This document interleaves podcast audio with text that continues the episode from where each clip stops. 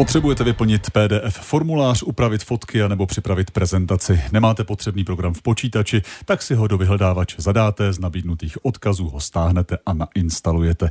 Asi klasický postup nás všech, ale věděli jste, že právě toto zneužívají kyberzločinci? Jakým způsobem? To je právě téma dnešního antiviru s Janou Magdoňovou a Honzou Cibulkou. Tak vás tady vítám. Hezké dopoledne. Dobrý den. Takže program si vygooglím, stáhnu a nainstaluju do počítače. Kde jsem udělal chybu? Dalo by se říct, že nikde. Eh, takhle to děláme všichni a právě proto je to nebezpečné. Zločinci využívají toho, že čím dál víc odkazů, které vidíš, když něco hledáš, jsou ve skutečnosti reklamy. První výsledky vyhledávání jsou vždy označené jako sponzorované, ale malým písmem a ne všichni si uvědomí, co to znamená. A právě takovou reklamu pachatelé použijí, aby tě nasměrovali na svůj web. Odtud si pak místo programu, který hledáš, stáhneš do počítače vir. Co se stane, když si stáhnu takový program? No, ono těch problémů může být spousta. Může to být ransomware, který ti zašifruje počítač a za odemknutí tvých vlastních dat pak požaduje výkupné. Nebo to může být takzvaný stealer, tedy vir, který krade přihlašovací údaje třeba na sociální sítě, do tvého internetového bankovnictví nebo třeba číslo platební karty. A to jsou hezké vyhlídky. Jak můžu poznat, že už se to stalo? A někdy se ozve antivirus u tebe v počítači, neplatí to ale vždy. A někdy se ti před instalací tvůj počítač zeptá, jestli chceš opravdu program instalovat, tady bys měl spozornět, ale u některých bezpečných programů se ti na toto počítač ptá taky, takže spolehnout se na to nemůžeš. Často problém poznáš až ve chvíli, kdy se ti zašifruje počítač nebo ti někdo sebere účet na sociálních sítích. Které programy se takhle podvrhují? No, ono není úplně dobré spoléhat na nějaký seznam. Ti kriminálníci jdou s dobou a ty podvodné softwary umí měnit, protože reagují na aktuální situaci.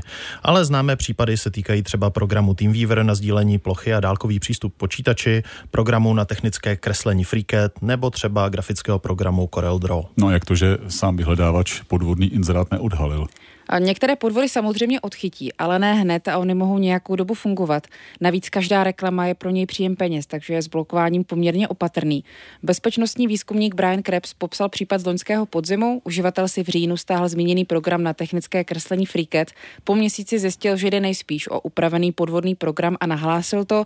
Reklama na vyhledávači ale dál fungovala ještě několik měsíců. Oni se ti útočníci tomu odhalení brání třeba tím, že ten sponzorovaný odkaz tě přesměruje na podvodnou stránku jen někdy a v jiných případech se dostaneš na ten správný legitimní web.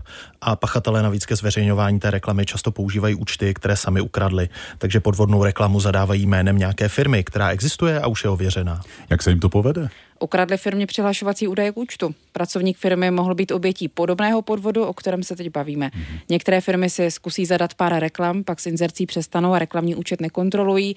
Pokud se k němu pachatel dostane, může na něj nahrát jinde ukradené peníze a reklamu využívat ke svým podvodům. Netýká se to jen vyhledávačů, ze stejného důvodu se kradou i firmní účty na sociálních sítích. Pěkné, tak jak se můžu bránit? No, tady ty podvody se šíří skrze reklamy, takže je asi nejlepší ty reklamy zablokovat. Ale pozor, ani ne všechny reklamní blokátory jsou důvěryhodné. Některé naopak informace pro reklamy sbírají a přeprodávají. My můžeme doporučit nekomerční uBlock Origin, funguje na všech velkých prohlížečích. Jana Magdoňová, Honza Cibulka, díky.